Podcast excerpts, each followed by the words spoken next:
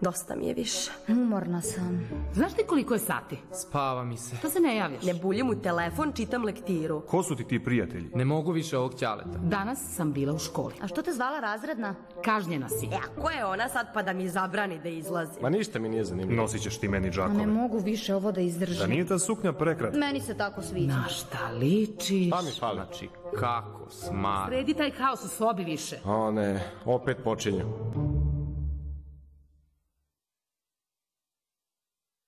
Zdravo, zdravo.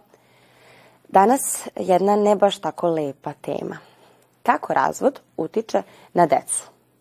Statistika kaže da je prošle godine bilo 12% više razvoda nego svih prethodnih godina. A ako ste vi dete ove statistike, nalazite se na pravom mestu u pravo vreme. Hajde da vidimo kako da se nosimo sa tim emocijama.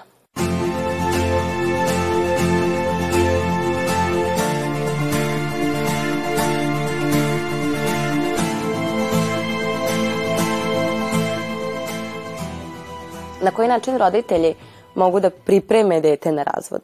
Da budu e, što iskreniji u smislu promena koje ih očekuju, e, da ne iskače suviše jel, ono šta će se desiti, u smislu pošto je sam razvod ogromna promena i veliki stres, e, da im što više smanje ostale stresove.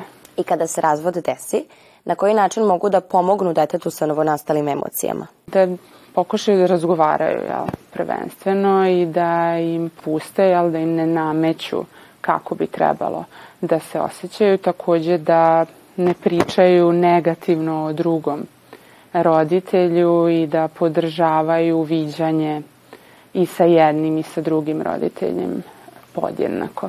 Šta su to emotivne ucene i kako se one odražavaju tačno na dete?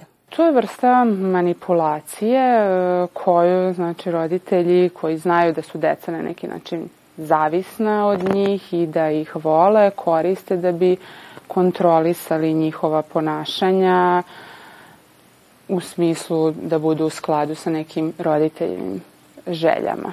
Pokazuju veliku povređenost ili na neki način ih odbacuju ako urade nešto što nije po njihovom. Tako da na decu to deluje da kasnije im je jako teško da razviju individualnost, da ojačaju samostalnost, e, jer nekako uvek kada žele neku svoju potrebu da iskažu nešto što nije u skladu sa roditeljevim željama, dođe do ogromnog osjećaja krivice. Kome dete može da se obrati ukoliko mu treba pomoć sa tim novonastalim emocijama ili može samo sebi da pomogne? Neki ljudi od podrške često mogu biti e, mnogo više oni koji nisu direktno uključeni u razvod, e, neki nastavnik, razredni, školski psiholog ili neko od prijatelja, možda čak koji je isto doživeo takvo slično iskustvo, može da bude e, velika podrška. Tako da svakako da ne potiskuju i da se ne srame emocije. Koje su posledice po dete kada odraste, to što nije živelo sa oba roditelja u toku detinjstva? Često su to poteškoće u sklapanju intimnih i bliskih odnosa e, sa drugim ljudima, kao i e, povećan strah od gubitka i možda ukoliko se razvod nije razrešio dobro e, po njih emotivno. Kako razvod utiče na tinejdžere i da li se uopšte razlikuje taj uticaj u odnosu na mlađu decu? Tinejdžeri su češći da osjećaju bes nego, nego mlađa deca, jer su više i svesni svega šta se dešava i imaju potrebu da stanu na stranu jednog od roditelja, e, čak ponekad i da prekidaju kontakt sa onim roditeljem za koje smatraju da je odgovoran e, za razvod, pa im roditelji nameću neke nove obaveze oko podrške u kući, pomoći sa drugom decom. Kako konkretno u konkretnim primerima možemo da pomognemo jednom detetu sada kojem se to dešava da se nosi sa emocijama razvoda roditelja? Ako moja potreba je da se u tom trenutku izoluje na neko vreme, da jel, ode da se igra, da ode na neki sport, bilo šta što mu u tom trenutku prija, da bude sa prijateljima, ali nakon toga, da to ne traje jel, suviše dugo, jer nakon toga je najbitnije da krene da razgovara sa nekim ko mu deluje kao adekvatna podrška. Jedan od načina da prebrodite te teške trenutke u životu jeste da mislite o svojoj budućnosti i da ju budete posvećeni. A kad kažem budućnosti, vaša bliska budućnost je ispor srednje škole i pripreme za završni ispit. U levoj koloni navedena su turistička mesta u Srbiji, a u desnoj koloni vrste turizma. Poveži odgovarajuće pojmove. Karađorđevo, Sirogojno, Brezovica, Vrujci, banjski turizam, lovni turizam, seoski turizam, planinski turizam. Tačan odgovor Karađorđevo, lovni turizam, Sirogojno, seoski turizam, Vrujci, banjski turizam, Brezovica, planinski turizam. Krenut ćemo od Brezovice. Ona se nalaze nekih 60 km od Prištine i nekih 400 km od Beograda u opštini Štrpce. Ona se nalazi naravno na padinama Šar planine i samim tim automatski znamo da, se, da je tamo razvijen planinski turizam. Sirogojno je selo na Zlatiboru i to je e, jedino mesto na Zlatiboru, nažalost, koje je sačuvalo onaj stari seoski izgled kakav je nekad postojao, dok e, danas je Zlatibor razvijen. I jedina šansa da vidimo kako je Zlatibor izgledao e, davno, pre 50, 100 ili 150 godina je Sirogojna i to je jedno od redkih mesta, ako ne jedino, gde se na otvoreno može videti određena vrsta turizma. E, imamo Karadžorđevo, ona se nalazi u blizini Bačke Palanke, to je jedno od najstarijih ergela, ali je samim tim i u okolini razvijen lovni turizam. E, još u vreme Austro-Ugarske je korištena, nakon toga je nastavljen i u vreme e, e, Jugoslavije, Socialističke federativne republike Jugoslavije, kada su je i Josip Broz Tito dolazio vrlo često tu u lov. I imamo još banju E, vrlo često mi sami pijemo neku vodu za koju ni ne znamo da potiče iz banje i zbog čega je značajna.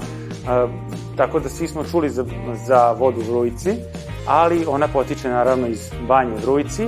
To je jedna od banja koje su lekovite i za kupanje i za pijenje vode. U pitanju je voda koja ima temperaturu od 27 stepeni Celzijusa i spada u grupu oligomineralnih voda.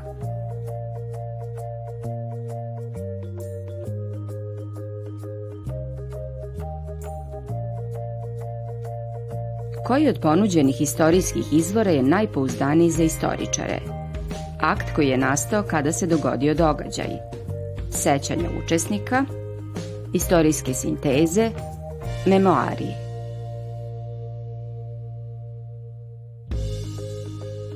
tačan odgovor, akt koji je nastao kada se dogodio događaj. Istorijska nauka danas priznaje četiri vrste istorijskih izvora. To su materijalni, pisani, usmeni i audiovizualni izvori. Materijalni, pisani i usmeni izvori postoje za praktično čitavu ljudsku istoriju, pa čak i praistoriju, dok audiovizualni izvori su nešto što se vezuje za otkriće različitih tehnika i načina za zapisivanje slike i tona i samim tim znači vezani su za drugu polovinu 19. 20. i 21. vek, znači za novi period u istoriji. Među pisanim izvorima postoje mnogobrojne vrste. U pisane izvore spadaju knjige, novine, dokumenti, Jednom rečju, sve što je čovek bilo kada i bilo gde zapisao, a odnosi se na neki istorijski događaj. E, pisani izvori se generalno dele na dve vrste. Dele se na one koje su napisali sami akteri nekog istorijskog događaja, da li u obliku svojih memoara, da li u obliku autobiografije, da li u obliku, da kažem, neke nekog izveštaja, nekog dokumenta i takvi izvori su vredni, mnogo vredniji nego ona druga vrsta koja se naziva historiografijom, gde su autori, istoričari, koristeći različite vrste izvora, uključujući naravno i pisane, ali i sve druge, na osnovu njih pisali svoja istorijska dela, jer već to znači da u istoriografskim delima već imamo tumačenje istorijskih izvora, koje može i da odstupa od prave istorijske istine. Što se tiče istorijske istine, svakako najpouzdaniji su znači oni izvori pisani koje su napisali sami učesnici tih događaja, u Mogusloku su ih napisali odmah, dok su se ti događaji dešavali, ili u kratkom vremenskom periodu to im daje još veću važnost. Tu se obično kao primjer uzima veliki starogrečki istoričar Tukidid, koji je opisao jedan od centralnih događaja za istoriju Stare Grčke, Peloponeski rat, iako je Peloponeski rat trajao 27 godina. Tukidid je već na samom njegovom početku naslutio da to neće biti neki mali kratkotrajni sukob, nego da će to biti rat koji će praktično definisati i rešiti sudbinu antičke Grčke i od samog početka rata je počeo da zapisuje događaje i što je još važnije, zapisivao ih je neutralno. Iako je on bio Atinjanin, nije navijao za Atinu u tom ratu, nego je događaj nastojao da opiše neutralno i zato je ta njegova knjiga koja se tako zove Peloponeski rat se smatra uzorom i primjerom kako treba svedok, očevidac istorijskih događaja da opiše događaje kojima prisustuje. Znači, tačan odgovor na ovo pitanje glasi da su za istorijsku nauku najvredniji, najpouzdaniji oni pisani istorijski izvori koje su napisali akteri ili neposredni svedoci nekog istorijskog događaja.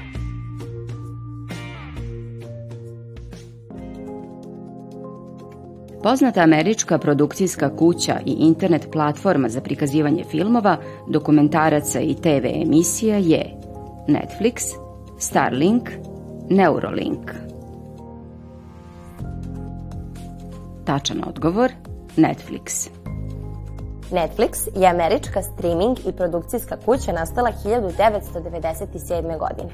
Kada je nastala, prvo se bavila prodajom i izdavanjem DVD-eva, a već posle godinu dana fokusirala se samo na iznajmljivanje. 2007. godine Netflix je postao medij streaminga i videa na zahtev. Samo od juna 2022. godine Netflix je imao oko 220 miliona pretplatnika. Dostupan je širom sveta, osim u nekoliko zemalja. U Kini, Siriji, Severnoj Koreji, Rusiji i na Krimu je zabranjen. Netflix je igrao značajnu ulogu u distribuciji nezavisnih filmova, a takođe je član Američke filmske asocijacije.